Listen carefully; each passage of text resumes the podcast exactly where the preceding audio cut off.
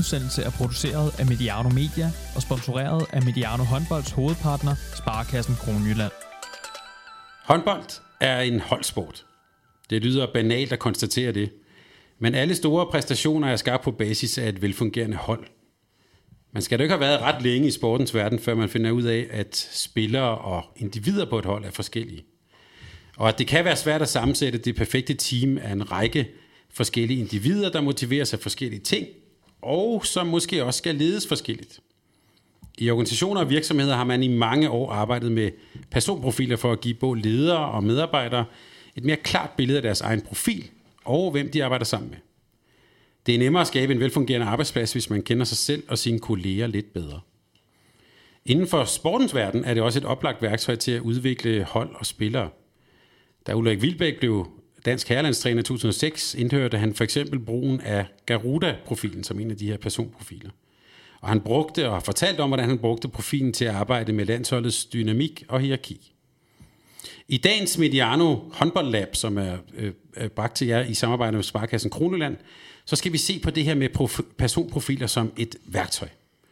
Og jeg vil sige, uden pludselig, vi har sat et rigtig stærkt drømmehold her i studiet af nogle meget stærke profiler. Med os har vi nemlig Troels Banggaard. Velkommen, Troels. Du har en uh, unik baggrund, både fra håndboldens verden, hvor du har været i blandt andet Midtjylland. Du har jo været, øh, fandt jeg ud af, øh, chef for den anden gæst, som jeg vil introducere om lidt. Du har været assistent i København håndbold. Men øh, nu er du Head of Performance Services i FCK. Det må det slå op. Hvad er det egentlig for en stilling? Ja, men øh, først og fremmest tak øh, for velkomsten, Thomas. Jamen, øh, det spurgte jeg også om, da jeg blev øh, præsenteret for den her som øh, Fynbo med, med 8 år i Midtjylland, øh, om jeg skulle slå græsset ned i parken, eller hvad det, hvad det helt præcis gik ud for, det her. Men nej, øh, kort fortalt, så er det, at øh, jeg har et fagligt hovedansvar for hele det øh, præstationspsykologiske område, øh, primært blandt vores, vores ældste talenter og transitionsspillere ind mod, mod Superliga-holdet. Men udover det, så har jeg også et ledelsesmæssigt ansvar for hele den gruppe af mennesker, der arbejder rundt om vores fodboldtrænere, altså øh, vores, øh, vores øh, idrætspsykologiske folk, vores fysioterapeuter, vores læger, vores fysiske trænere, for at vi sætter de hold, der sådan, kan arbejde med vores spillere og, og udvikle dem øh, optimalt. Så, øh, så det, er, det er der, den her fine, fine titel, den, øh, den, øh, den har sin plads. Og jeg kan sige, at da jeg skulle ind og finde din, din titel, så gik jeg ind på fck.dk og søgte på dit navn, og der, fandt, der så jeg jo så, øh, der stod du så blandt alle listene, alle de andre trænere her. Som håndboldmand må man bare sige, der blev jeg godt nok misundelig. Hold da op, det er, det er et stort setup, vi har på fodboldsiden. Ja, det må man sige. Altså, jeg plejer jo at sige, når folk spørger, hvad jeg egentlig laver, så siger jeg, at det er egentlig ikke så frygtelig meget anderledes som de problemstillinger, jeg stod med, øh, med i håndboldverdenen, men øh, der er selvfølgelig den, øh, den fordel, at der er nogle ting, der er, der er lidt nemmere rent, rent økonomisk i, i, en, i en maskine som, som FCK end i, i de fleste, fleste håndboldklubber. Velkommen til, Troels. Tusind tak. Øh, og i studiet er også, hvad vi vil godt kan kalde en fast gæst på Mediano håndbold. Du kender vejen hertil. Ja, den, øh, den er lige ud. Det er Christian Christensen. Du var for nylig med i en, øh, vil jeg sige, rigtig god håndboldlab-udsendelse om spilintelligens og kognition. Det er rigtigt, ja. Der var du sammen med fruen. I dag er du her alene. Ja, jeg er også øh, jeg er virkelig nervøs for, om jeg kan klare den opgave uden hende med min højre og, Men i dag, der skal det så handle om personprofiler, og øh, det ved jeg, at du også har styr på, ved siden af alle de andre ting, du er god til. Jeg så nemlig for et par måneder siden på Instagram en masse spillere, der sad og udfyldte profiler i Ribe Esbjerg. Hvad var det for noget, I lavede der? Jamen det var jo øh, et, et udgangspunkt i, i netop teamudvikling. Øh, lidt forsinket, kan man sige. Øh, tidspunktet taget i betragtning, men, men bedre sent end aldrig. Øh, så det var, ja, helt kort fortalt, en, øh, en proces, vi i gang sat med, ja, med udgangspunkt i Garuda-profilerne, hvor jeg selv er certificeret og opdraget, hvis man kan sige det sådan, mm. og selvfølgelig også påvirket den vej rundt.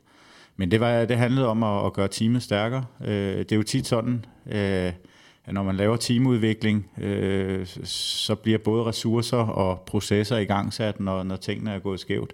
Øh, og der valgte vi så, øh, Lars og jeg og klubben, og, og selvfølgelig spillerne med også, lige at lave en lille chance omkring, øh, netop og, altså ud fra tesen om, at, at vi egentlig var ret godt kørende, øh, både på og ude for banen på det tidspunkt, og, ja, vil så forsøge at lægge øh, barrieren endnu, eller løfte overlæggeren mm. endnu mere.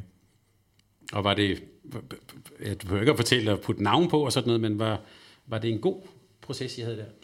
Jamen det var det, og det var også på et tidspunkt, hvor vi faktisk havde med, det her handler jo rigtig meget om relationer, øh, det kommer vi til at snakke om senere, men, men vi havde faktisk fået fjernet en, øh, en relation i, i vores hold, øh, eller ikke en relation, jo det kan du godt sige sådan, med Jakob Heinle, mm. som var glædet ud, og det har givet lidt, ikke turbulens, men det har alligevel givet, når man rykker en så markant lederskikkelse ud af en gruppe, så sker der noget. Øh, og, og, og det er noget, vil vi gerne have i talsat, og ligesom prøve at få, få ændret rollerne, og i talsat øh, og påsat nye roller og ansvar, og, og det, der nu følger med. Så, så det var en, en ret fed proces, og jeg synes, at både spillere og, og ledere tog rigtig godt imod det. Så må vi se, om det har en effekt her, når vi starter på lørdag nede i GOG. Men Troels, jeg tænker her i, lige til sådan i, i, i toppen af udsendelsen her, måske skal vi lige prøve at putte lidt ord på, hvad er egentlig sådan en personprofil? Hvad er det for noget? Jamen, hvad, øh, hvad er en, en person eller en, en adfærdsprofil? Øh, for mig er det et, øh, et værktøj, hvor øh, man igennem en, øh, en relativt simpel øh, spørgeramme øh, Øh, får nogle, øh, nogle øh, adfærdstræk øh, på, den, øh, på den, enkelte, den enkelte person. Nogle adfærdstræk, som vi øh, sammen med øh, den generelle forståelse af personen og generel øh, forståelse af det, som, som jeg også plejer at kalde tillært adfærd, øh, kobler sammen til en, en, en helhedsforståelse af, af det menneske, vi, øh, vi sidder overfor. Vel og mærket i en kontekst, hvor øh, vi, det ved jeg også, at vi kommer ind på i løbet af udsendelsen her, men man har rigtig mange parametre, vi sammen med de her ting er nødt til at tage, tage højde for. Så en adfærdsprofil for mig er et sindssygt stærkt øh, værktøj, som vi kan bruge, øh, men øh, heller ikke mere end det, det er ikke sådan en, en endegyldig, øh, en endegyldig sandhed eller noget sådan næsten religiøst. Det er, det er ret centralt. Og, og det ligger lige for os, det kommer vi til at dykke ned i, men hvad er det, man kan bruge den til så? Og ja, for mig kan vi bruge den på rigtig mange parametre. Øh, jeg har brugt den både i, i sporten og øh, sportens verden og i, i erhvervslivet. Vi kan bruge den i, i gruppekontekster til at øh, både arbejde med gruppen. Vi kan også bruge den i rekrutteringsprocessen i forhold til at sige, når de, hvad skal man sige, de øh, faglige kompetencer er på plads, øh, hvad er det så lige præcis for en af kandidaterne, som giver allermest mening øh, og, og tilfører, tilfører vores gruppe? Men den kan også handle om en masse individuel refleksion for den enkelte i forhold til egentlig at blive bevidstgjort omkring, øh, omkring sig selv og få nogle, øh, nogle konkrete værktøjer til, at når jeg kommer under pres, vil jeg ofte øh, hoppe over i, i den her type adfærd, men er den nødvendigvis altid øh, super hensigtsmæssig, og hvordan hvad skal man sige, kobler den sig på resten af den gruppe eller det hold, jeg er en del af, så hvad skal jeg i den forbindelse være opmærksom på, og samtidig kan resten af gruppen være opmærksom på, hvordan arbejder vi bedst muligt med den her person, når personen er under maksimal stress i forhold til at kommunikere, eller i forhold til simpelthen bare lige at få smidt en, øh, en redningsbåd ud og få hævet dem i land igen. Jeg kommer til at tænke på, nu har du arbejdet med den i, i, i Ribe, Christian her, øhm, men det her med profiler og teams og sådan noget, bliver det ikke øh, lidt for akademisk til den her sportsverden? Altså, er det ikke bare, at man kender sine mennesker, man har menneskekundskab? Mm, hvis jeg skal svare kort, nej. Jeg mm. synes faktisk, tværtimod ikke, det bliver for akademisk. Øh, jeg synes tværtimod, der kan være en tendens til, at det nogle gange går den anden vej. Og det handler lidt om øh, fagligheden igen. Altså, mm. der er jo noget teori bag de her, og der er i den grad noget data også, øh, som er med til at danne øh, Øh, det færdige produkt her. Og når vi snakker mennesker, så er det en kompleks størrelse. Øh, det er jo ikke bare min optik, det er sådan en generel opfattelse. Øh, ja, så nej, jeg, jeg tror, man skal passe på med ikke at, at søge sandheden 100% i, i en meget kompleks, øh, i et meget kompleks, kompleks felt. Og derfor så, så når jeg siger, som jeg gør her, så handler det også om, at, at, at fordi man har været på weekendkursus i, øh, i en profil, eller i en håndtering af en profil, så er det ikke sikkert, at man er, man er uddannet psykolog og har, har så store værktøjer og indsigt i, og faglighed til at kunne løse øh, et meget komplekst emne. Der er jo det gamle ord, hvis man, øh, hvis man kun har en hammer i hånden, så ser man søm alle vejen. Ikke? Ja. Øh, og det, altså det, det, det, det, det kan man i hvert fald godt. Og, øh, nogen, der, hvis der har arbejdet mere profiler, vil kende til farver eller dyr og, og så videre. Øh, men måske skal vi sige, en, en, et, et kendetegn for mange af de her profiler er jo, at de arbejder med sådan nogle forskellige typer eller typologier, kan vi måske sige. Mm. Og uden at komme ind i alle mulige farver, så kan vi sige, at mange af dem har sådan fire øh, typer øh, grundlæggende. Der er den kreative type, en struktureret type, en konkurrencemindet type og en mere social type. Der er så forskellige varianter af det her. Troels, hvad, hvad er det, man får, får at vide, når man, når man får sat lidt ord på eller farver på i, i sådan en profil her? Hvad er det, man, hvad er det for en viden, man får?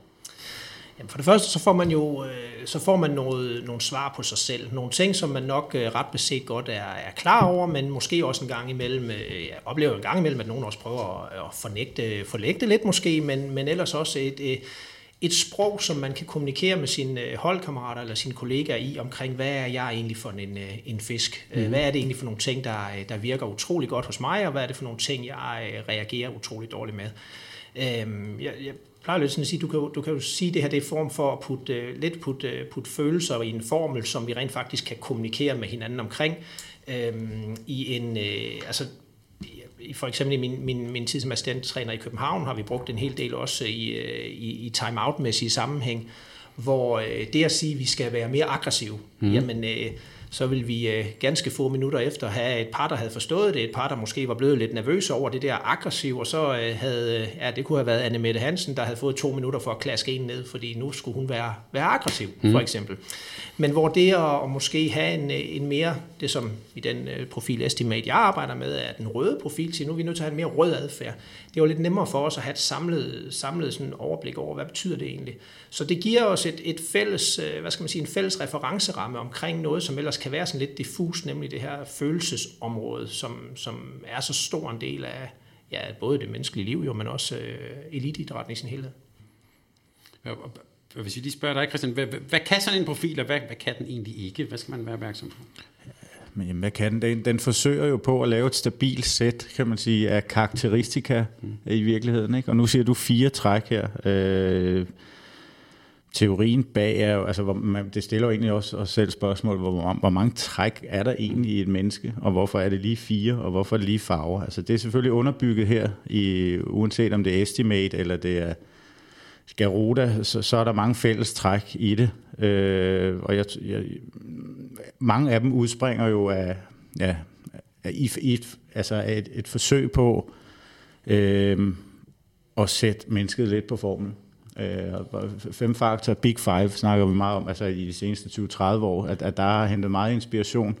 Men der er jo også nogen, alt afhængig af hvilken psykologisk øh, retning man hælder til, øh, som, som desikerer det helt ned på to. Altså eksemplet kunne være introvert, ekstrovert. Ja. Øh, to øh, træk, adfærdstræk, som hæfter sig, ja, noget adfærd, som, som hæfter sig på, på personligheden.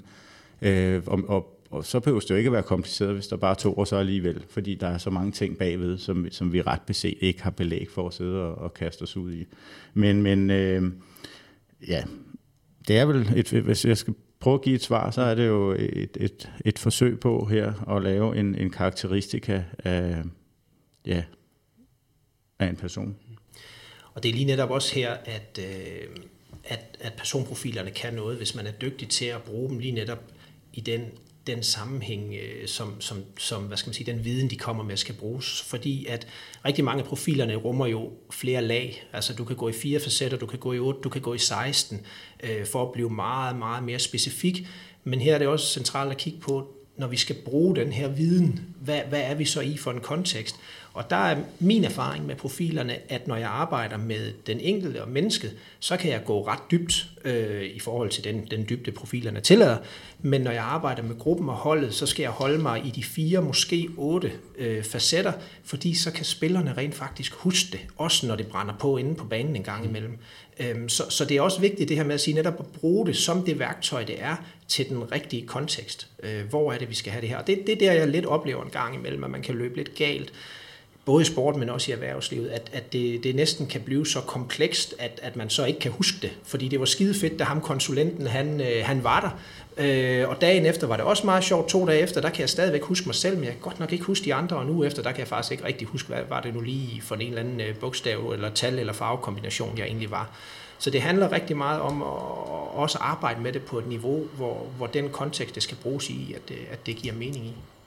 Og hvis jeg lige skal kaste mig ud i noget, som måske kan gøre det nemt for lytterne at huske, så vil jeg godt øh, lægge hovedet på bloggen og komme med en karikatur af de her fire typer. Vi kan forestille os en, øh, en øh, timeout OL-finale, der mangler 5 minutter, Danmark-Frankrig 25-25.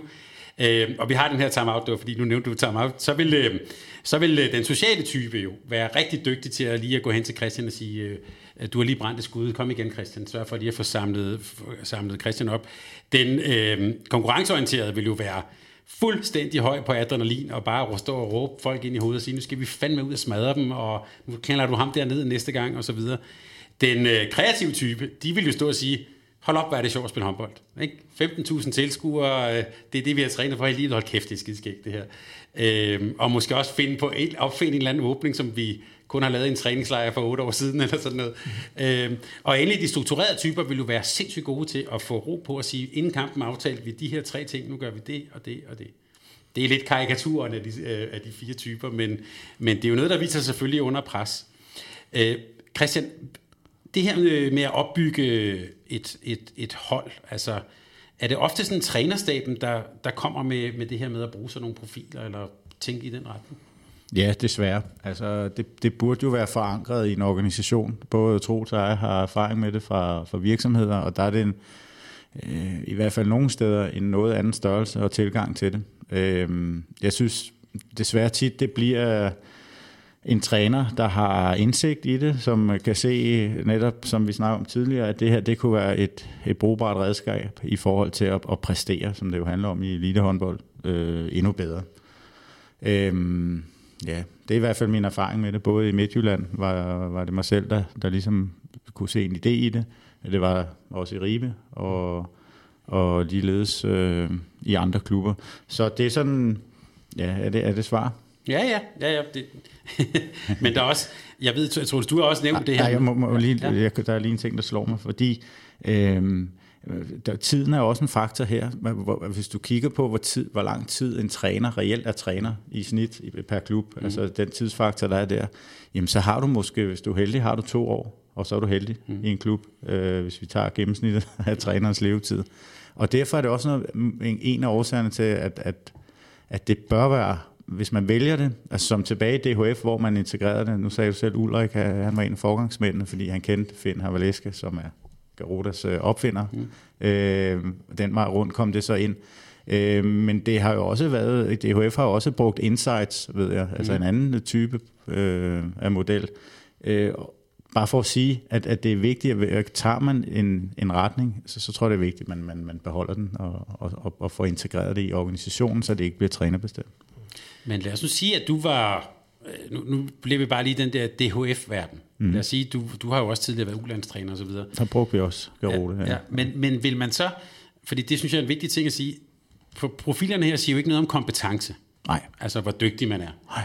Men, men vil du, lad os sige, du havde to, øh, nu siger vi bare to højrefløje, de kompetencemæssigt nogenlunde, men den ene har en profil, som måske er mere brugbar til det her sammenhæng end den anden. Vil man også rekruttere efter det? I nogen udstrækning ja, men øh, det blev oftest på kompetencer. Og der, der kan, kan man jo nogle gange blive klog og skade os. Og, og det er noget af det, profilerne kan afdække her. Det kunne sagtens være, at, at det gav mening at have to forskellige typer, men øh, ikke nødvendigvis lige positionsspecifik, mm. men mere på, på adfærd. Og, og det, har, det, det, det giver rigtig god mening i øvrigt. Altså vi har, jeg, jeg bruger altid, øh, og må gerne bruge øh, Mathilde som eksempel op fra Midtjylland, mm. øh, Bjergård, som i øvrigt lige øh, har lagt har lagt sin karriere på hylden, den anden snak, men hun, havde, hun var jo blå her fra, altså hun var den der integrator, som var god til at skabe sammenhæng i, i gruppen. Hun var særdeles dygtig til at, altså hun havde nogle empatiske evner, ud over det sædvanlige, som, som vi kunne sætte i spil. Eksempelvis, når vi havde tabt i Rostodon, og mm. der var rigtig langt hjem, og alt var sort og mørkt, så kunne hun ligesom øh, få samlet op, og det er der jo behov for hvor øh, mange af resultatskaberne, altså over i det røde felt, vil, ofte vil, vil sætte sig ned og, og være indebrændte i, i flere timer og nogle flere dage. Ikke? Og, og, og man skal jo videre, og lige i den sammenhæng, så gav det jo god mening at have en blå med. Øh, så konklusionen for mig her er, at man skal være repræsenteret så vidt muligt hele vejen rundt. Ikke dermed sagt, at man, man skal øh, at gå benhårdt på én type, fordi du, så diskvalificerer du også. Det var det, jeg sagde mm. tidligere. Du kan sagtens, og det ved jeg for mig selv, som, som øh, værende relativt grøn i mange situationer, så kan jeg sagtens adfærds, øh, eller situationsregulere mig selv over at være grå, eksempelvis når jeg sidder og laver dataarbejde. Men nu vil jeg så lige være djævelens advokat her, og så sige, det vi taler om her er jo absolut elitesport. Ja. Skal vi så ikke bare have nogle af de her konkurrenceorienterede, nogle dem, der bare skal ud og vinde? Vi taler meget om, vi skal have nogle ener. Skal vi ikke bare have nogen, der er ude og smadre igennem og vinder nogle kampe? Jeg synes, det er enormt centralt at fokusere på, at et af de parametre, jeg er nødt til sådan at afdække med de spillere, jeg arbejder med, med profilerne alle sammen, det er, når jeg for eksempel præsenterer øh, specielt øh, fodboldspillerne for den, øh, den øh, sociale profil, så sidder de alle sammen og siger, det er i hvert fald ikke mig. Lige indtil vi sådan begynder at dykke ned i, hvad, hvad er det egentlig for noget? Fordi for mig er, har alle fire øh, profiler her, alle fire typografier, et, et helt klart drive mod det at vinde øh, men de har nogle, for, nogle forskellige bagvedliggende øh, faktorer, som de ønsker at vinde ud fra, hvor man kan sige, at den, den rendyrkede vinder skal op og stå på det podium. Jeg plejer at sige, at de er rigtig gode til at samarbejde, så længe de andre bare er fuldstændig enige med, hvordan de synes, de skal gøre det. Øh, hvor øh, skal de stå på skamlen sammen med de andre, er det egentlig okay, men står de der alene, så må vi leve med det. Vi skal bare derop hvor den, øh, den mere socialt orienterede jo har et langt større fokus i forhold til at få gruppen med. Altså det er også, øh, nu har jeg været så heldig at få lov til at arbejde en lille smule med nogle af, af vores rigtig dygtige, øh, dygtige soldater herhjemme. Og det er jo noget af det, man også kigger enormt meget på der. Det er jo netop evnen til at, hvad skal man sige, forankre præstationen ind i gruppen. Det vil sige, det er ikke bare mit fokus og mig, der skal løbe afsted her, men vi er nødt til at sikre os, at hele kæden øh, fungerer. Og der er den grønne enormt stærk, eller den grønne i min, men mm. den, den sociale øh, mm. enormt stærk. Og når jeg sådan får fortalt det, så sidder de lige pludselig alle sammen, de her kære fodboldspillere, og siger, så er det i hvert fald mig. Altså mm. det er mig, så kan jeg jo sidde og grine lidt og sige, det er måske ikke helt sådan, jeg ser det.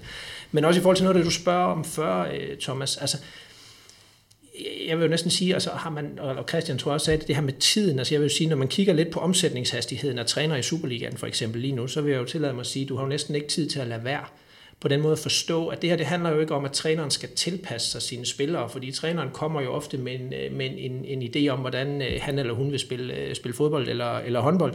Men det her med at interessere sig for øh, de, de modtagere, jeg skal sende til, hvordan er det, jeg egentlig påvirker dem optimalt. Og især i håndbold også, hvor man kan sige, at du har den her unikke mulighed for at skifte ud hele mm. tiden. Der er det her med at interessere sig for at sige, i hvilke situationer, i hvilke stressmomenter af kampen fungerer hvem bedst. Det er, det er for mig en, øh, en enorm styrke ved de her, de her profiler, som man, man faktisk som træner står med, med mere end blot en, øh, en fornemmelse, men også noget, noget data, noget, noget, noget brugbare fakta bag sine handlinger. Du nikker, Christian, enig? Ja? Jeg er meget enig. Altså, vi, vi har også haft, haft succes med at, at lave et fælles sprog ud fra profilerne, og, og det, det er bare, altså, når du står i den oplagt time-out-situation og har et minut til at formidle nogle budskaber, så er det andet lige mere øh, konkret at sige, at det er nu, vi har behov for at spille gråt, altså struktureret. Mm. Nu er det ikke nu, vi skal lave vip og øh, kreative løsninger. Lige nu handler det om, at vi kommer ind og, og spiller gråt. Og så er der underbygget en masse ting, så kan det lyde mærkeligt og banalt for, for tilskuere og, og tilhører generelt. Men, men, men der er selvfølgelig et masse øh, arbejde, der ligger bagved øh, lige det her ord grå. Hvad Den skal det, lige her. Har du stået helt til out og sagt, nu spiller vi godt? Ja, det har jeg gjort flere gange. øh, men jeg havde også muligheden øh, i Midtjylland, fordi jeg var der tre år. Hmm. Og, og, og, og, og vi brugte mere og mere, synes jeg. Øh, men, men nåede jo aldrig, og, og det vil jeg også øh, helt, altså, øh, helt sikkert sige, at vi nåede aldrig ned, og det er aldrig nået helt ned, hvor,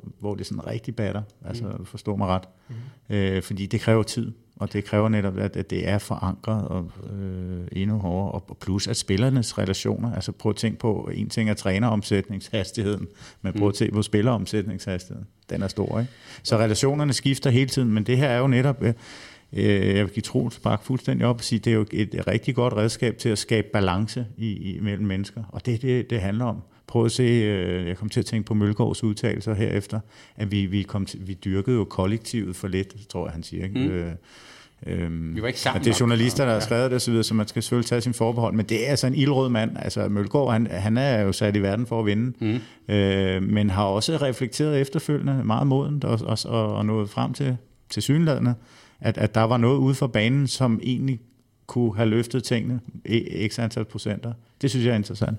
Ja, for, for mig er der også et, et, et ord, der er centralt i det her. Det er, det, er, det er et værktøj, der kan skabe accept øhm, blandt, øh, blandt, øh, blandt spillerne. Altså, øh, hvad, hvad er det for en situation i kampen, vi er i lige nu? Øh, hvad har vi aftalt? Skal vi være mere struktureret i, i vores tilgang til spillet lige nu? Jamen, der er jeg måske ikke stærkest, fordi jeg er en af vores stærkeste kreative profiler, så derfor der kan jeg acceptere en rolle lige nu, hvor jeg er støtteapparat til dem, der trækker lokomotivet lige nu, og jeg skal være øh, på tæerne øh, for ligesom at, at bakke op om det.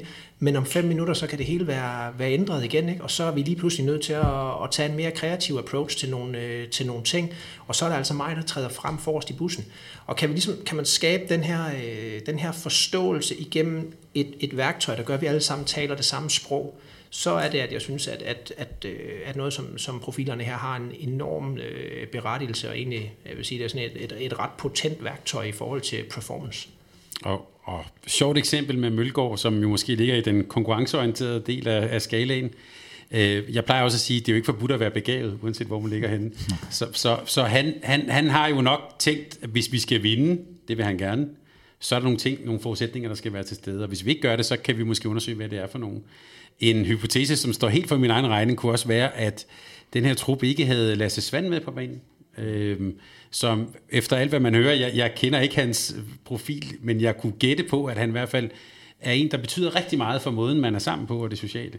Lige så vel som Nødesbo var med, tror jeg, en af de første, man måske skrev på holdkortet til OL i Rio, men egentlig ikke spillede så meget, men var jo, gætter jeg på, rigtig vigtig for fællesskabet. Mm-hmm, helt øh, og man havde også for de gamle, altså de gamle bøger, der er skrevet, eller gamle og gamle, mm. øh, fra Ulriks tid. Mm. Øh, der havde jo Lars Christiansen som den blå, og hvor folk, der kender Lars, ved også, hvor dygtig han er på, på udover at være en dygtig håndboldspiller, så var han også ekstremt dygtig til, til at, øh, at varetage de sociale opgaver. Altså netop at, at være omkring spillerne. Har du det godt? Er du der? Skal man lige skubbe lidt? Skal man skrue lidt på knappen? I hvilken retning? Og så videre, så videre.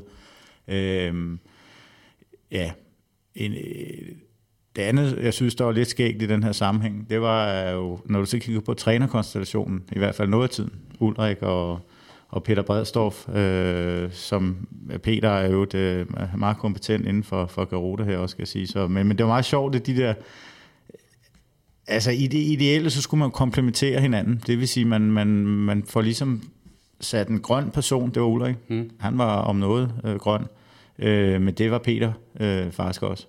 Så det er jo lidt interessant, øh, hvis man så går tilbage til HR-processen, eller rekrutteringsprocessen, og siger, så ansat man faktisk to ens typer. Ja, to kreative typer, og, og, skal vi ja. ja, og det er jo måske ikke meningen i virkeligheden, mm. hvis vi skal gå det lidt på klingen, øh, ideelt set. Mm. Men øh, til al held, så var, så var de så dygtige til at få, få, få, få deres roller øh, justeret til, sådan så Peter han kunne servere noget gråt for Ulrik og omvendt en gang imellem. Øh, så, så det gik jo, som vi kan huske, rigtig fint. Men, men det er meget sjovt, og igen det her også med, hvad er det for en storytelling, der nogle gange kommer ud på en profil, hvordan det ideelt skal være. Og sandheden var så, at man klaskede to grønne øh, store træner sammen. Ikke? Altså, mm Ja. Jo, og der er du jo igen også ude i den her, den her accept, altså, øh, og øh, accept af, af, hvad skal man sige, personlige forskelligheder, og dermed også en meget, meget klar, øh, afklaret rollefordeling, øh, hvis man så på det udefra, ikke? at selvom at, øh, at øh, ja, i det her tilfælde måske Peter skulle, øh, skulle bruge noget, noget tillært adfærd, så var, det, så var det ret naturligt for ham, ikke? fordi at, øh, at, at de var så bevidstgjorte omkring, hvem der, egentlig, øh, hvem der egentlig drev hvilke dele af processen, frem for at prøve at masse sig ind der, hvor de følte, at, øh, at man havde det bedst. Og, og hvordan så du var i København håndbold, øh, der var I også et trænerteam. Hvordan, øh, hvordan så jeres profil ud? Var I komplementære? Eller? Jeg vil sige, at mit samarbejde med Claus Mogensen er måske et af de, de mest perfekte matches, som jeg har, har været i, netop fordi, at at, øh, at Claus jo er et øh, ekstremt struktureret menneske, øh, og jeg er øh, det modsatte. Mm. Øh, men heldigvis med en, øh, som jeg, sådan, jeg tror måske jeg talte lidt før, en, en enormt stor tillært adfærd øh, omkring struktur, fordi jeg ja, jeg blandt andet læser meget og har rigtig tit øh, brugt rigtig meget tid på at prøve at finde nogle bøger, indtil jeg accepterede, at det kunne være, at jeg skulle prøve at sætte dem i en lille smule struktur, sådan at, øh, at jeg rent faktisk kunne finde dem. øh, så, så Claus og jeg komplementerede hinanden enormt godt på den måde, at, øh, at øh, jeg kunne nogle gange stresse Claus ret meget med en frygtelig masse idéer, og så kunne Claus kigge lidt på mig og så sige, ja, øh, den, den lægger vi lige over i skuffe 12, række 4, sektion 12. Øh, og så, øh, så havde jeg lidt ro på omkring det, og, øh, og, øh, og samtidig så, så lærte jeg enormt meget af, af Claus' meget strukturerede tilgang til, til spillet også. Så jeg, jeg tror egentlig enormt meget på den her sådan, gaven i, i forskelligheden, hvis det er i en bevidstgjort kontekst. Og Christian, du har jo, ved jeg, i FC Midtjylland jo, det har du også allerede fortalt, brugt det her rigtig meget. Så, så kommer der lidt fjollet spørgsmål. Hvordan ser det perfekte hold ud? Jamen, det perfekte hold er i den her sammenhæng repræsenteret i alle, øh, hvis vi skal blive det, i de her profiler, ja, ja. I, i alle fire farver. Altså, du skal kunne... Øh, kunne, altså der skal være en repræsentation af alle fire farver for at kunne løse de forskellige artede opgaver, der er nu engang, eller man, man kommer til at stå for som træner og som hold. Øhm, og så er jeg også med på, at, at der vil nok være tendenser, øh, eller det vil der være. I, altså det er klart, det, ja, min erfaring er, at der vil være behov for, for rigtig meget rødt, altså for resultatskaberne. Mm. Øhm, velvidende, som vi var inde på tidligere, at det diskvalificerer absolut ikke hverken blå, grøn eller grå på, på den måde. Men øh, det, det kan måske også være lidt, hvad man er til. Altså, og, og der må jeg sige, at, at min erfaring er, at vi, vi har i hvert fald haft held, og jeg synes også, øh, hvis, nu måler vi jo på resultaterne, mm. at, at hvis man kigger på den øh, baggrund, så, så, så har holdene været, været repræsenteret øh, med mange røde primærfarver. Det er også sådan, det har vi ikke snakket så meget om, at man er jo ikke bare en. Altså, det er jo ikke statisk. Øh, det er det for nogen. Men øh, i min optik, så, så, her, så er det et mere dynamisk billede her, og ofte vil Garote-profilen også bonge ud i, i to, altså en primær og sekundær farve, mm. øh, hvor man trækker øh, hen øh, i forskellige kontekster. Men øh, ja. Den... Bliver det sat mere på spidsen? Øh, bare hvis du lige kan tage os med ind i sådan øh, at spille slutspil for eksempel.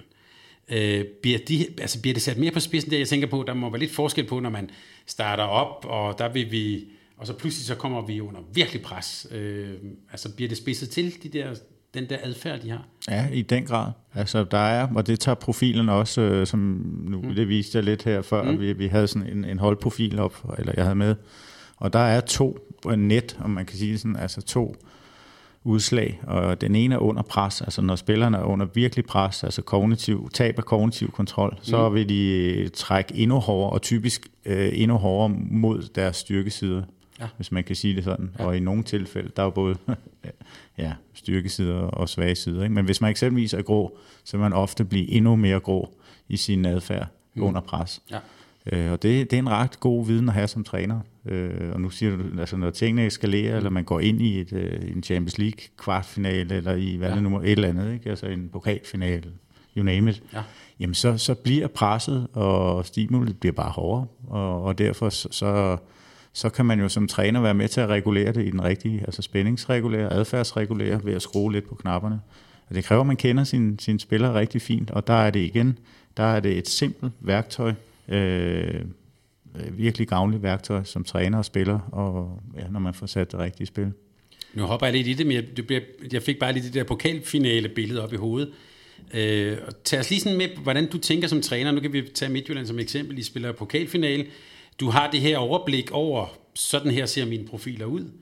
Øh, kan du så gå rundt sådan og mærke under opvarmning, hende her, hun skal lige, her skal jeg skrue lidt op, eller her er spændingsniveauet lidt for højt, eller hvordan, altså, hvordan regulerer man det?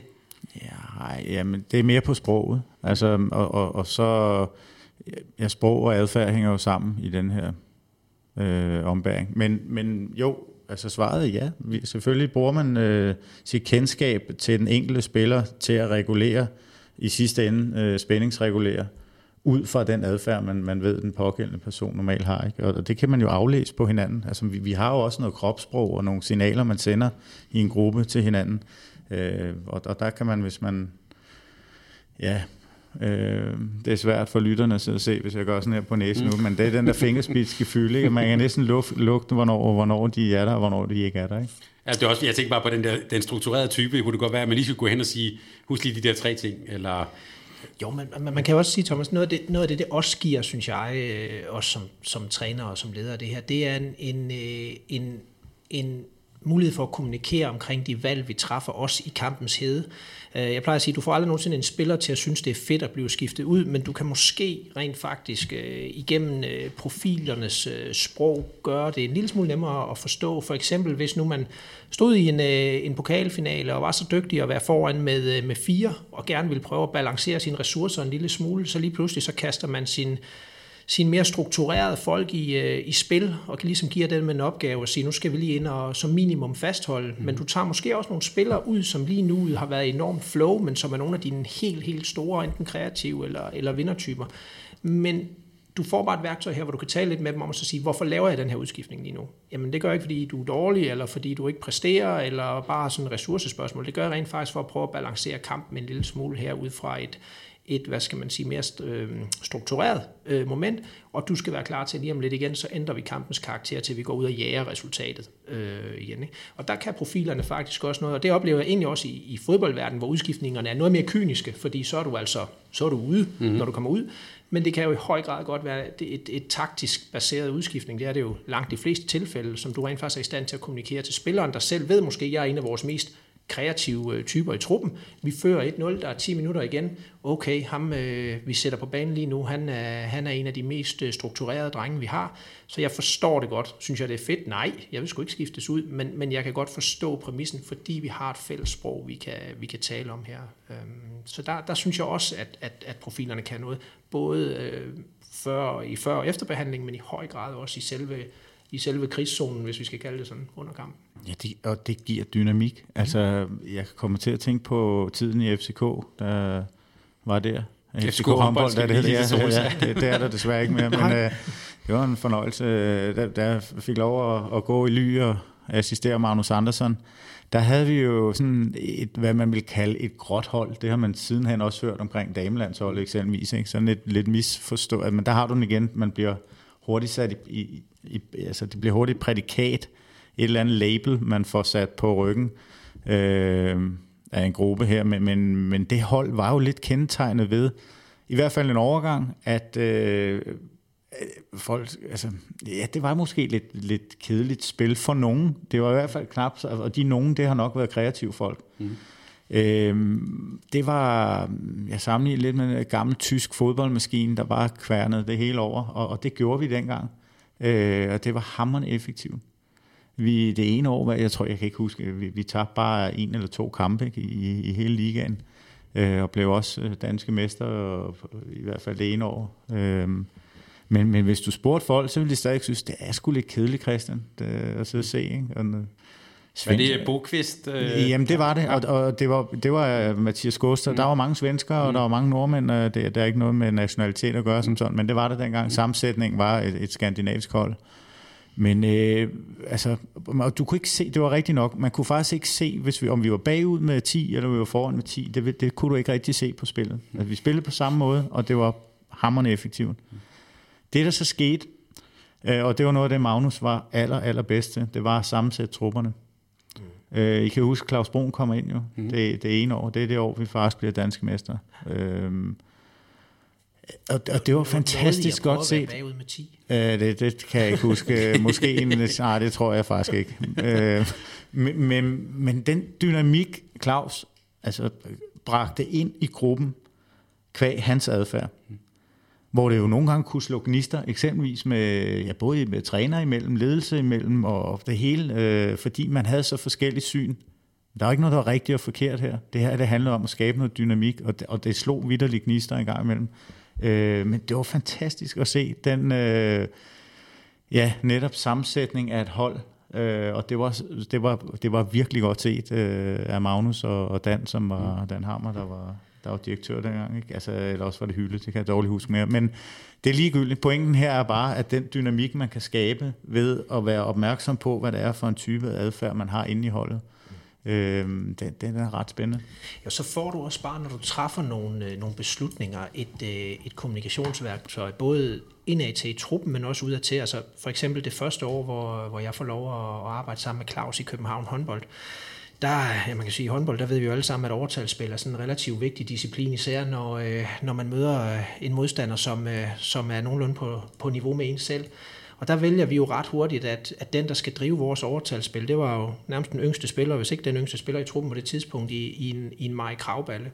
Og det gør vi jo ud fra, at vi kunne se, at det overtalsspil, vi gerne ville spille, det var egentlig øh, et, et, et, et, ja, en lille smule et herrespil med en masse, en masse vurderinger, øh, og med en spiller, der virkelig skulle både kunne det og, og turde det. Og øh, det kunne vi jo se ud fra, øh, fra Majs profil, at det havde hun nogle, øh, nogle ret oplagte evner til at gøre.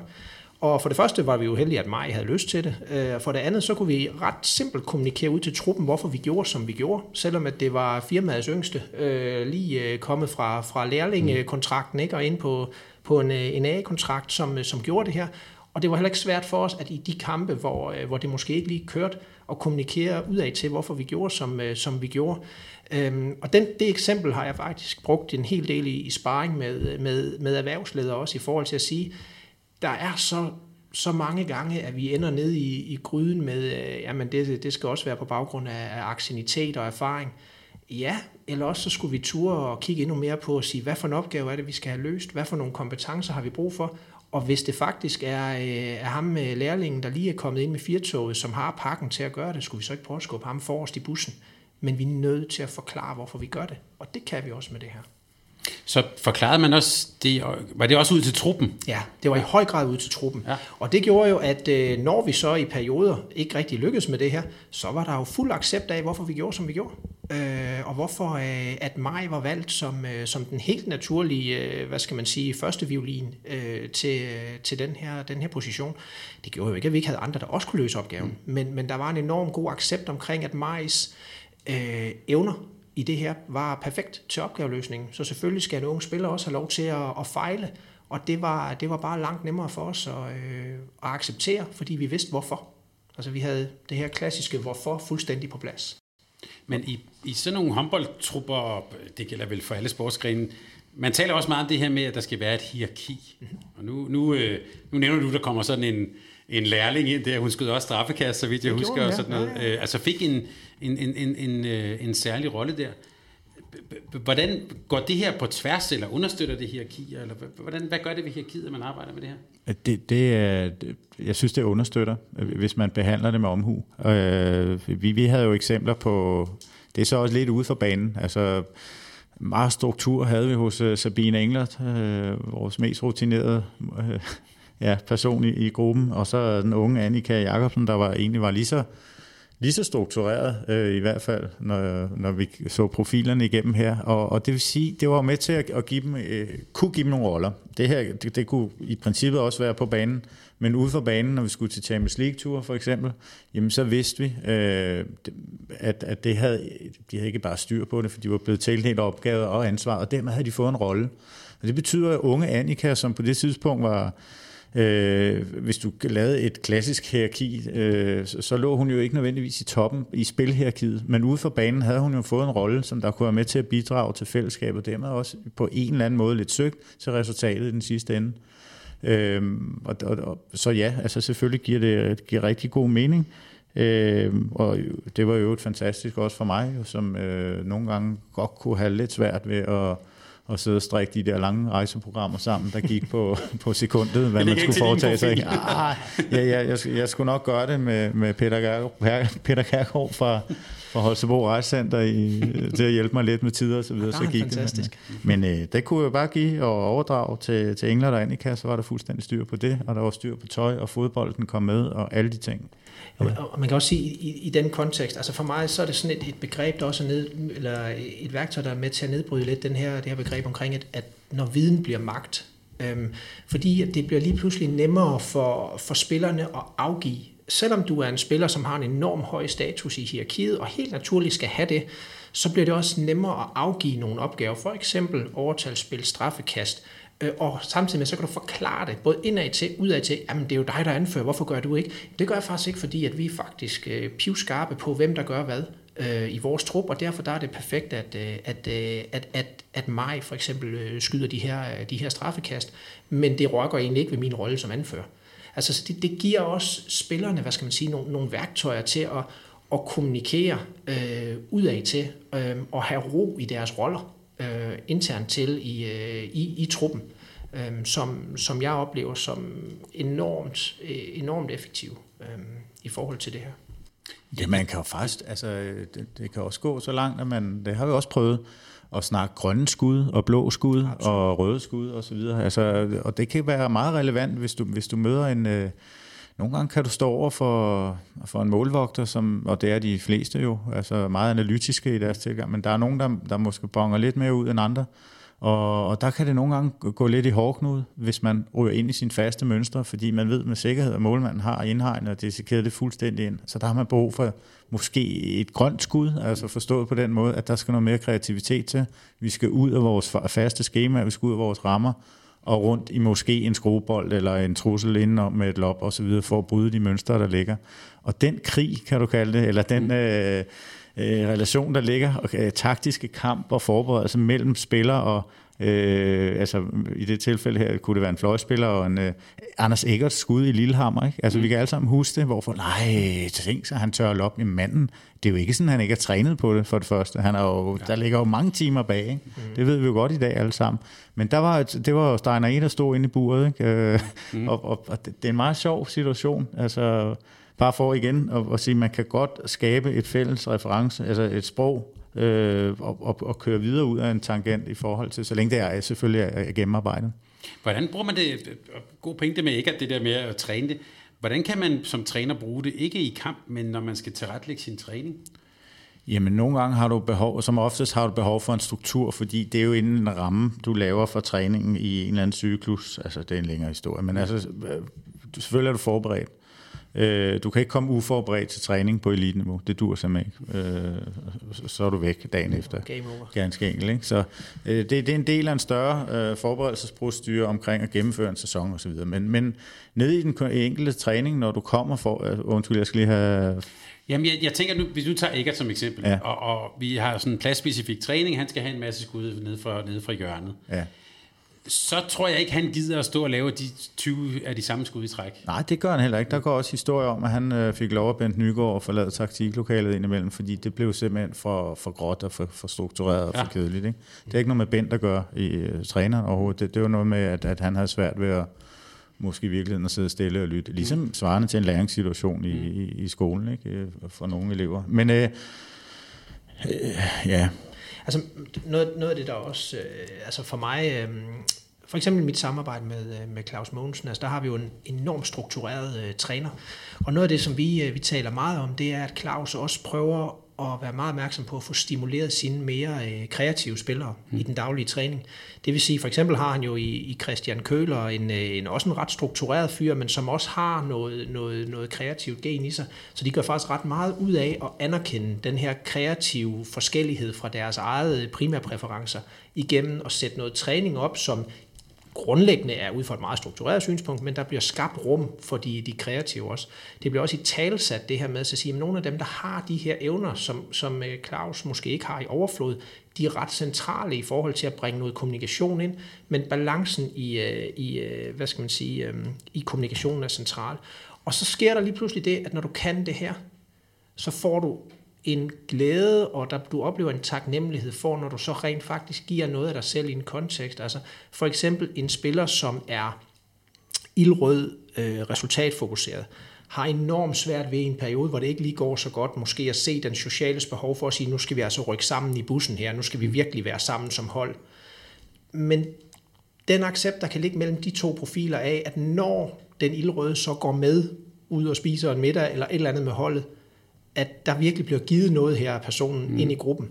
Den kan være helt enorm, frem for at det bare bliver en frustration over de syv andre gange, hvor personen vælger det fra, fordi vi faktisk ved, at vi får meget mere igen ved at lade ham eller hende gøre det. Så, så den her forståelse af forskelligheden, forståelsen af vores forskellige adfærd og dermed accept af hinanden, det gør også, at du kan få det maksimale ud af, øh, af hinanden.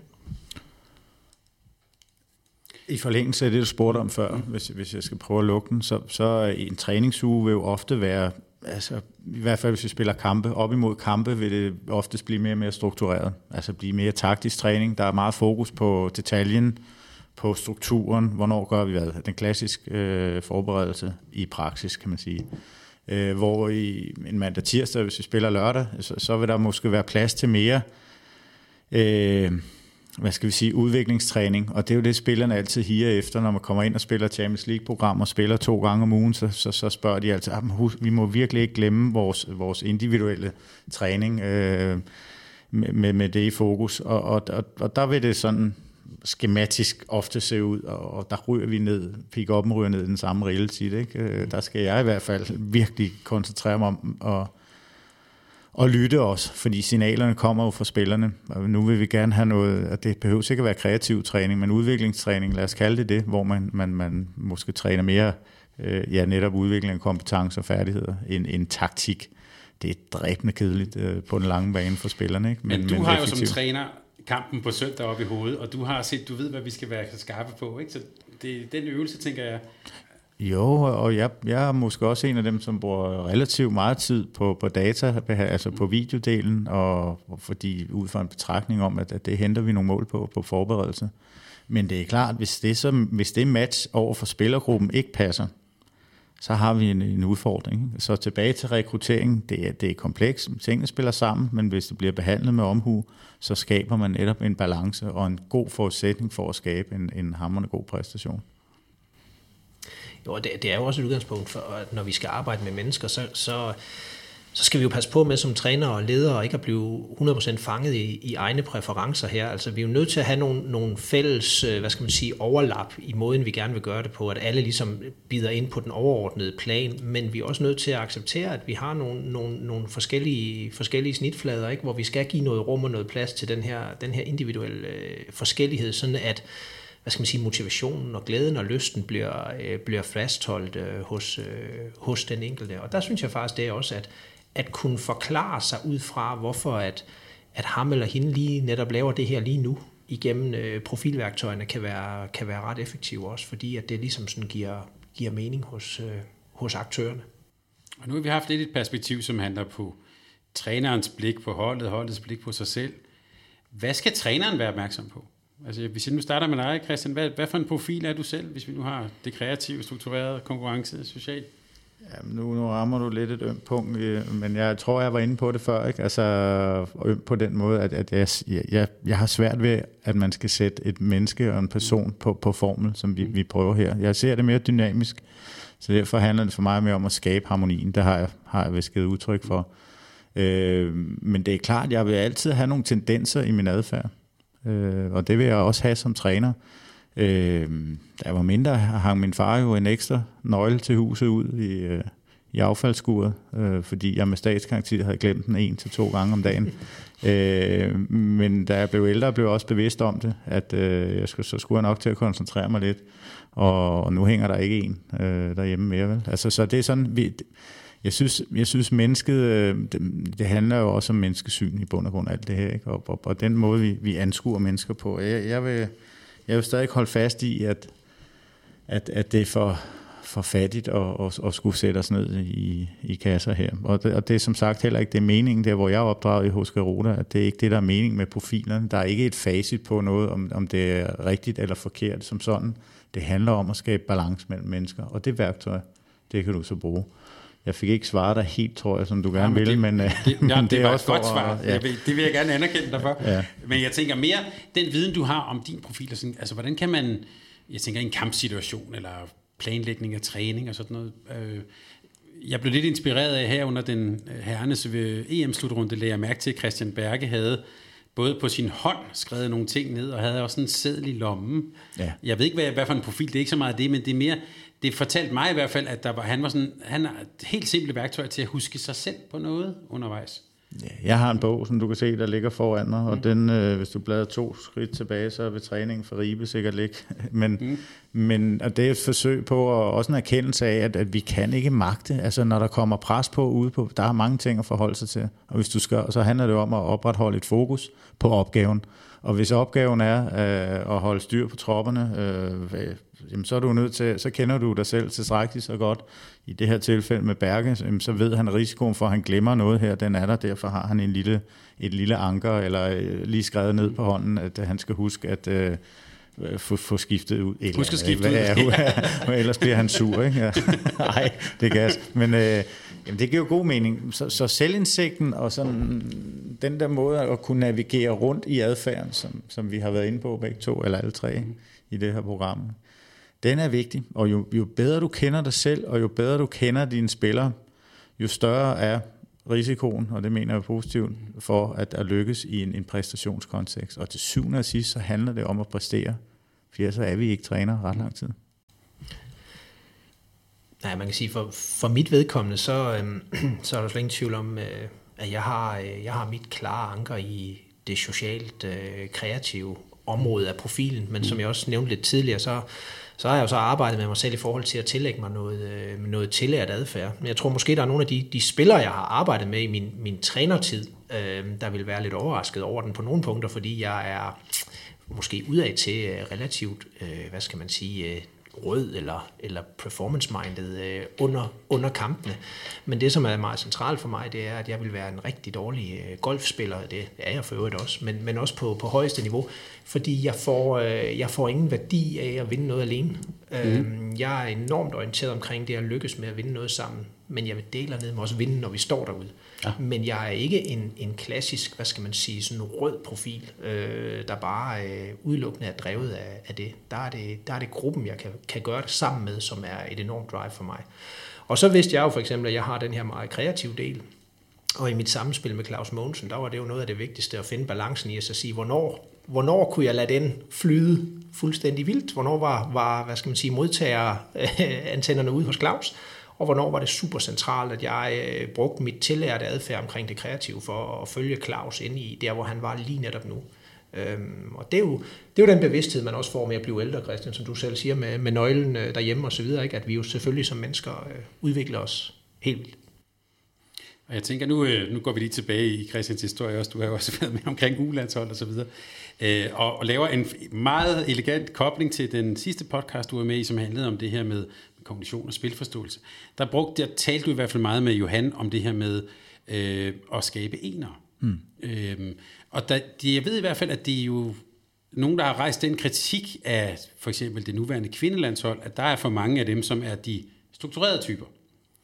Øh, som, øh, og, og der har også været den, den lidt sådan en, en kritik af, at det måske skyldes det her sådan øh, talentsystem, altså dem, der er tilbage, som står med kompetencen, det er dem, der undervejs har kunne, øh, kunne gå på Team Danmark Gymnasium, spise de rigtige ting, strukturere deres hverdag, altså gøre, hvad træneren siger, øh, og det er så i sidste ende dem, som så er tilbage som de dygtige spillere. Ja, så har du ikke startet med at ekskludere alle enerne, ikke? Ja, det er jo, og det, det er en eller, men, men det er jo, jeg, jeg siger det lidt, måske lidt karikeret, men, men er, der, er, der noget, er der noget i den tankegang? Nej, jeg synes, det er noget plader. Og igen, mm. tilbage til fagligheden. Det er glad for, altså, at gråt og ked, jamen, mm. så må man jo definere, altså, hvad er gråt her?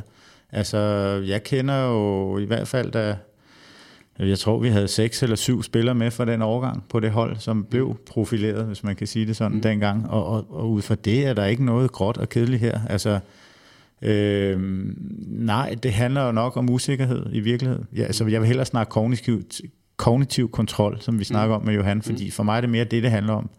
At Stine Jørgensen lige pludselig øh, ikke altså bliver beskrevet som en spiller, der ikke kan tage en vurdering ude i et overtalssituation, som hun har spillet, ved jeg, de sidste fem år i Midtjylland, mm. uden problemer. Og jeg kan hente øh, referencer fra Gjørkampe, Bukarest, også alle, you name it, mm. hvor den bliver havlet ind på strive, både mm. til strege og til skud. Altså, der, der, der bliver lidt for dumt en gang imellem, mm. øh, at man konkluderer, at det er gråt og kedeligt. Ikke? På en pige, som selvfølgelig repræsenterer, øh, hun kan godt lide struktur, jeg kender Stine ganske fint, men, men hun kan så sandelig også være rundt i alle de andre. Mm. Så, så det, er, det er for fattigt. Og så er vi tilbage til det, vi startede om, at så har man faktisk ekskluderet øh, et talent eller en spiller, eller hvad du nu øh, snakker om. Altså, så har vi i hvert fald ekskluderet et menneske ud fra en meget statisk synspunkt, og det, i den grøft, der kommer jeg aldrig til at lægge mig. Det er ikke Men, sådan, mit menneskesyn er. Det, og det er jeg super glad for, du siger. Hvis jeg bare så dog lige skal udfordre dig lidt. Har vi et, et altså hvis du nu er et ung talent nu, har vi så skabt et system, der gør, at det er nemmere at gøre det, hvis du har den der struktur i dig? Altså hvis, Nej, det er muligt, altså, men så snakker vi rammen, mm. altså ja, inden for det, rammen, og den adfærd, der bliver udført inden for rammen, den skal jo defineres ud fra, hvad man tror på, og, og helst ud fra en eller anden strategisk arbejdsgang mod et mål. Ikke? Altså er det DHF, jamen, så har vi en idé om, at vi vil gerne have den her øh, type, men gerne så langt som muligt, altså gerne så, så mangfoldig som overhovedet muligt. Øh, og, og det kan godt være, at den ramme, over tid har bevæget sig hen imod at, at blive for snæver. Og det vil sige, at det brede, øh, den, den, ja, netop den mangfoldige spiller, den, øh, nogen kalder det lidt forfejlet kreativ, altså mm spiller eneren øh, drukner lidt i, i den ramme. Det, det skal jeg ikke kunne sige, men, men det kan der være en tendens den snak kan jeg se mere bund i end, end det andet. Og mm. diskvalificere et menneske på baggrund af en vurderingssituation i et overtalsangreb, det er for fattigt. Mm. Ja, meget, meget enig. Men det, det, det, jeg sigtede mere på, var, at altså, om der er skabt nogle rammer, som, det kan man sige, er jo en ubevidst rekruttering. Øh, hvor det andet, det du taler om, Troels, var jo en bevidst rekruttering, eller man tænker det her, det er jo sådan en ubevidst rekruttering, hvor rammerne måske gør, at der er nogle profiler, der har det nemmere ved at slå igennem end andre. Ja, det, det, det, det kan man måske noget øh, i, i nogen udstrækning godt, øh, godt argumentere for. Så man kan sige, hvis jeg, hvis jeg skal kigge lidt mod min egen hverdag i, i FC København, så noget af det, vi arbejder enormt intenst med lige nu, det er jo lige netop at skabe nogle rammer, hvor, hvor vi som klub og organisation tager en, enormt stort ansvar for, øh, for vores, spillers, øh, vores spillers hverdag, på, forstået på den måde, at vi vil gerne øh, frigive deres ressourcer til rent faktisk at, at udfolde deres, øh, deres talent. Hvor øh, jeg synes, vi har et, det står helt fra min egen regning, det jeg siger lige nu, men jeg synes, vi har nogle, nogle strukturer i dansk eliteidræt lige nu, som er ja, det vi lidt i FCK kalder good on paper, shit on grass en gang imellem, men med enormt mange gode øh, intentioner, enormt mange gode tanker bag ved det, men ude i den virkelige verden, der vil jeg skulle nødig være de her øh, unge mennesker, der skal, der skal balancere den her, øh, den her, den her hverdag, når man samtidig også kigger på på det pres, de er under i forhold til at, at opnå en, øh, en, øh, en drøm. Og hvis man kigger snævert på det, det billede, så tror jeg, at der helt sikkert kan ligge noget i, at nogle lidt mere øh, kreative typer nu, sagde vi lige hej til, til Jakob Gren, blandt andet, da vi, da vi kom herind. Mm. Han kunne måske være en af dem, som, som kunne have en lille smule svært ved at navigere i en, i en hverdag, hvor han skal have da han var ung, øh, enormt, enormt stor egen, øh, hvad skal man sige, styring af, af tid, og øh, en manglende evne til det vil måske også være ensbetydende med en, øh, en oplevelse af manglende lyst og motivation, og dermed en, en diskvalifikation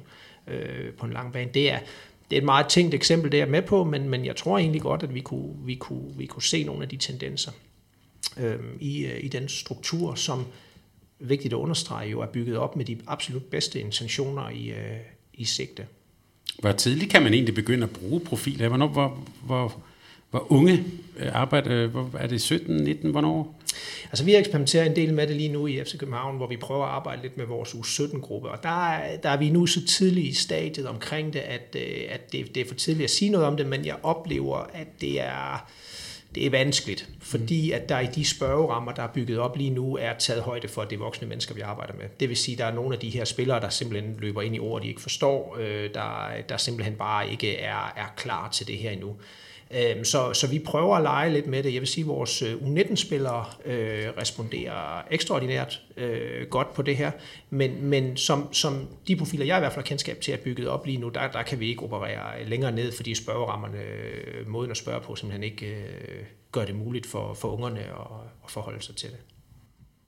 Og, og det, lige den sammenhæng er det, er det også væsentligt at påpege, at datagrundlaget bag om de her profiler jo, jeg synes det er interessant, tror jeg, altså fordi netop spørgerammen, hvordan er de bygget op, det passer ikke nødvendigvis til, om det er lavet på gamle soldater under pres, mm. og, og hvis, hvis en, et lille, undskyld mig, et lille talent på, på 12-14 år skal sidde og svare ud for den ramme, det kommer ikke til at ske der med på, men med lidt fortegnet, så vil der jo komme et udslag, som, som ikke reelt giver mening. Mm. Øhm, heldigvis er der flere og flere af profilerne, som jo har udviklet sig over tid fra, nu snakker vi femfaktor-teorien, til også at gå hen og kigge lidt mere dynamisk på det, og, og i, i den øvelse hedder det også opdatering af data. Og det vil sige, øh, jeg ved for Garuda har lige publiceret en, øh, ja, noget data spørger, jeg tror det er på 3.000 mennesker i den nye generation, den nye generation, nyeste unge generation, og der har man jo fået et billede og tilrettet øh, generation Z, ikke? Altså, ja. fordi de, deres adfærd er jo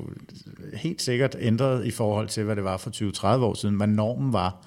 Så data skal opdateres øh, hver anden, tredje år i hvert fald, vil jeg mene var ret og rimeligt. Øhm, og det, men, men det, og det er egentlig positivt her, ikke? fordi det, det gør I sikkert også, Troels, over hos jer, ikke? men jo, altså det er, jo, det er jo, som jeg oplever det, er det jo en enormt dynamisk proces hele tiden, hvor jeg ved, at, at Estimate, som jeg primært bruger, er jo i tæt samarbejde med, med folk fra Aarhus Universitet, lige netop om konstant at holde spørgerammen opdateret og interessere sig for de, de spørgsmål, der er i profilen i forhold til at sige, er der, er der ord i spørgsmålene, der falder ud af det danske sprog, øh, mm. eller er der ord, vi er nødt til at erstatte med, simpelthen. Øh, det, det, det, er jo, det er jo Altså det er, jo, det er jo en faktor for, om det her overhovedet giver mening, fordi som Christian siger, det her er jo startet for, for mange, mange år siden, og, og, og brugte vi det bare en til en som dengang, så var det jo fuldstændig ubrugeligt, øh, det vi har gang i. Ikke? Så, så det er vigtigt, men det kan sagtens være, at det findes. Jeg har dog ikke kendskab til det, at, at der er nogen, der også er begyndt at, at lege lidt med det her i forhold til, øh, til lidt yngre lidt yngre årgang. Men min oplevelse det er i hvert fald lige nu, at vi ved, ved de her U17-spillere øh, oplever en, øh, en, i hvert fald en bekymring for, for hvor godt hvor godt det her er, når vi får det, får det ud allerede. Ikke? I hvert fald ved de yngste af dem.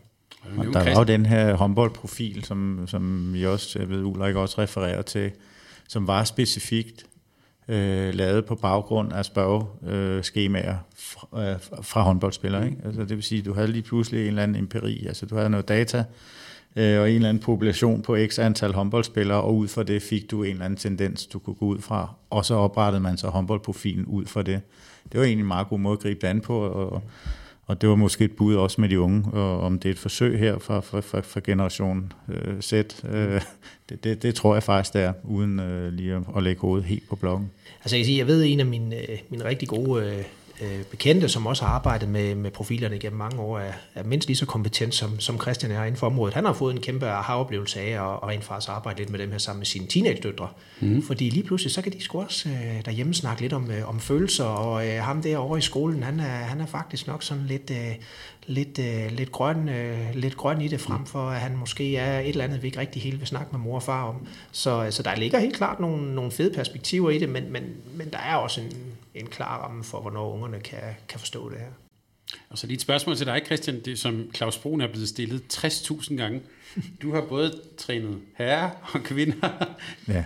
Men hvis vi lige putter den... Øh, hvordan tager de imod sådan noget som arbejde med profiler? Det handler bare om at servere det med høj faglighed. Altså, mm. så, fordi mennesker tager imod ting, hvis de oplever mening med tingene, så bliver mennesker motiveret. Det er uanset om du er mand eller kvinde. Mm. Øh, det er i hvert fald min erfaring. Øh, så, er der, så er der noget, noget adfærd, men, men altså hjernen mellem ørerne er vi fuldstændig ens. Det ved vi jo med statsgaranti. Øh, men, men selvfølgelig er der noget adfærd, og der er også noget dynamik, når vi snakker det. Altså der er jo nogle normer øh, for, hvordan man gør, som går i en eller anden kul, altså, og pludselig forplanter sig til en kultur eller en måde at, at, at gøre tingene på. Og den, den er selvfølgelig forskellig. Men øh, jeg har da heldigvis prøvet øh, begge veje øh, med, med profiler, og de tager godt imod det. Øh, det gør de. Det er også min klare oplevelse. Øh, og jeg synes faktisk også nogle gange, så siger øh, sådan den der umiddelbare oplevelse af, hvordan en gruppe tager imod det her, både i sportens eller erhvervslivets øh, sammenhæng, også lidt om, om en sundhedstilstand i gruppen, i forhold til lige netop det her med, øh, er man, er man klar til at, at række ud og interessere sig for hinanden, til at dele noget, eller går vi og putter med tingene? Er viden blevet noget, som man, øh, man holder for sig selv i forhold til at, og, og klister til taburetten. Ikke? Så det, det er også det, at man, man nogle gange, når man kommer ind som, som, som konsulent, eller hvad så man gør på det her område, kan give noget feedback også ud fra bare sådan en helt objektiv, øh, hvad skal man sige, monitorering af gruppens tilgang til at overhovedet skulle begynde det her arbejde. Øhm. Men, men jeg, jeg, jeg, det, det slår mig også nu, altså med, med Mølgaards citat, hvis vi skal bruge den som mm. reference igen. Altså, det, det er et, et punkt her, som går under det mentale aspekt af, af det at være håndboldspiller. Øh, det, det, det må vi simpelthen ikke undervurdere. Altså det, gør, det må i hvert fald ikke gå hen og blive sådan, at det bare er træning og kamp, og så skal vi ud og eksekvere og vinde og tabe. Det, det, det, og det bliver det heller ikke, det er jeg med på. Men jeg synes, jeg ser en lille tendens i nedprioritet i forhold til, at, hvor meget, altså det første sted, vi ofte skærer, det er i hvert fald i, Jamen, det, du sætter holdet, og du sætter administrationen, og så sætter du, måske omvendt, øh, hvis vi er heldige, mm. og, så, og så har du, øh, så, så begynder du at skære, ikke? altså fysioterapien, eller nu siger jeg noget her, sundhedsstaben, så skærer du en der, ikke? og så er det mentalt, det har vi sgu ikke råd til, vel? Nej, du kan få noget mental øh, konsulentbistand, når du har fået nogle point, har jeg hørt også. Ikke? Altså, jo, det giver jo ikke mening. Og det, man kan også sige, altså rigtig tit og ofte, for mig er det her jo en del af mit arbejde med det, hvad skal man sige, øh, det præstationspsykologiske område omkring fodboldspillerne i FC København. Det er en del af det at skabe fundamentet på mennesket bag spilleren, der gør, at spilleren, når han løber på banen øh, inde i parken, og der er fuldt øh, tryk på, tør række ud efter et resultat, selvom at, at vi ved, hvor skrøbelige resultatmål er, og hvor, hvor lidt vi har styr på dem selv Men det fundament, der ligger bag ham, gør, at han ved også, at øh, det kan godt være, at spilleren han får nogle knups derude, men mennesket han står altså øh, øh, måske lidt skuffet, men, men snor, lige, øh, snor lige bagefter. Og der er det her et af de værktøjer, som, øh, som vi arbejder med. Og så, så vil jeg sige sådan en, en udvikling, jeg håber kommer til at løbe endnu stærkere i de kommende år, det er, at man rent faktisk begynder at flytte arbejdet med de her ting om på i højere grad forkant af udfordringerne. At vi rent faktisk som klubber, øh, og her taler jeg rigtig meget også i håndboldverdenen, tør begynde at investere i det her på linje med for eksempel øh, dygtige, øh, dygtige fysioterapeuter, sådan at vi laver det her fundament, der gør, at når vi står i en eller anden hal i Østeuropa, og der bare er tryk på, så føler vi os faktisk ret, ret klar til også rent mentalt at, at gå ind og præstere, i stedet for når vi rejser hjem dernede fra, og vi har fået en på kassen, så skal vi saftsus med finde en mental konsulent, der lige kan komme og redde hele verden. Ikke? fordi sådan fungerer det ikke. Øhm, det, det kan man i, i nogen grad, men, men i langt højere grad. Altså en af mine kæpheste, det er, at mit arbejde vil jeg gerne i så stor en mængde, det overhovedet kan lade sig gøre, flytte om på, på forsiden af de udfordringer, vi skal møde, frem for hele tiden at arbejde lige midt i udfordringen eller lige efter, øhm, som har været sådan lidt en klassisk tilgang i, i mange år. Og for mig at se, så er det egentlig ret logisk for de fleste, men det bunder rigtig tit ofte i økonomi. Øhm, økonomiske prioriteter. Og dermed, Troels, fik du lavet en fantastisk øh, kobling til noget af det første, jeg sagde, nemlig at håndbold er en holdsport. og det at arbejde med, hvis man gerne vil vinde nogle håndboldkampe, eller øh, øh fodbold, øh, der hvor du er nu, så er det måske ikke nogen dårlig idé også at arbejde med, både med holdet og med individerne. Jeg synes, vi skal lade være det sidste ord. Det var en god, øh, en god sløjfe på, øh, på, vores, øh, på vores samtale her. Jeg har også skrevet noget andet på min blog, øh, som jeg tænker, det må vi tage en anden god gang. Øh, noget om kultur og vinderkultur og sådan noget. Det lå lige på læben, men øh, den tænker jeg, den lægger vi ud som en lille teaser til en anden god samtale en anden gang. Gerne. Tak fordi I vil komme. Altid velkommen. Det var en fornøjelse. Og øh, den her samtale blev bragt i, og det her håndbold lab, blev bragt i samarbejde med Sparekassen øh, Kronjylland, som er vores partner i hele 2020. Vi glæder os til at bringe endnu mere Humber og måske tror jeg næsten, jeg kan love, hvis jeg kan lokke de to her i studiet igen, så er den her samtale ikke slut. Tak skal I have. Velkommen. Velkommen.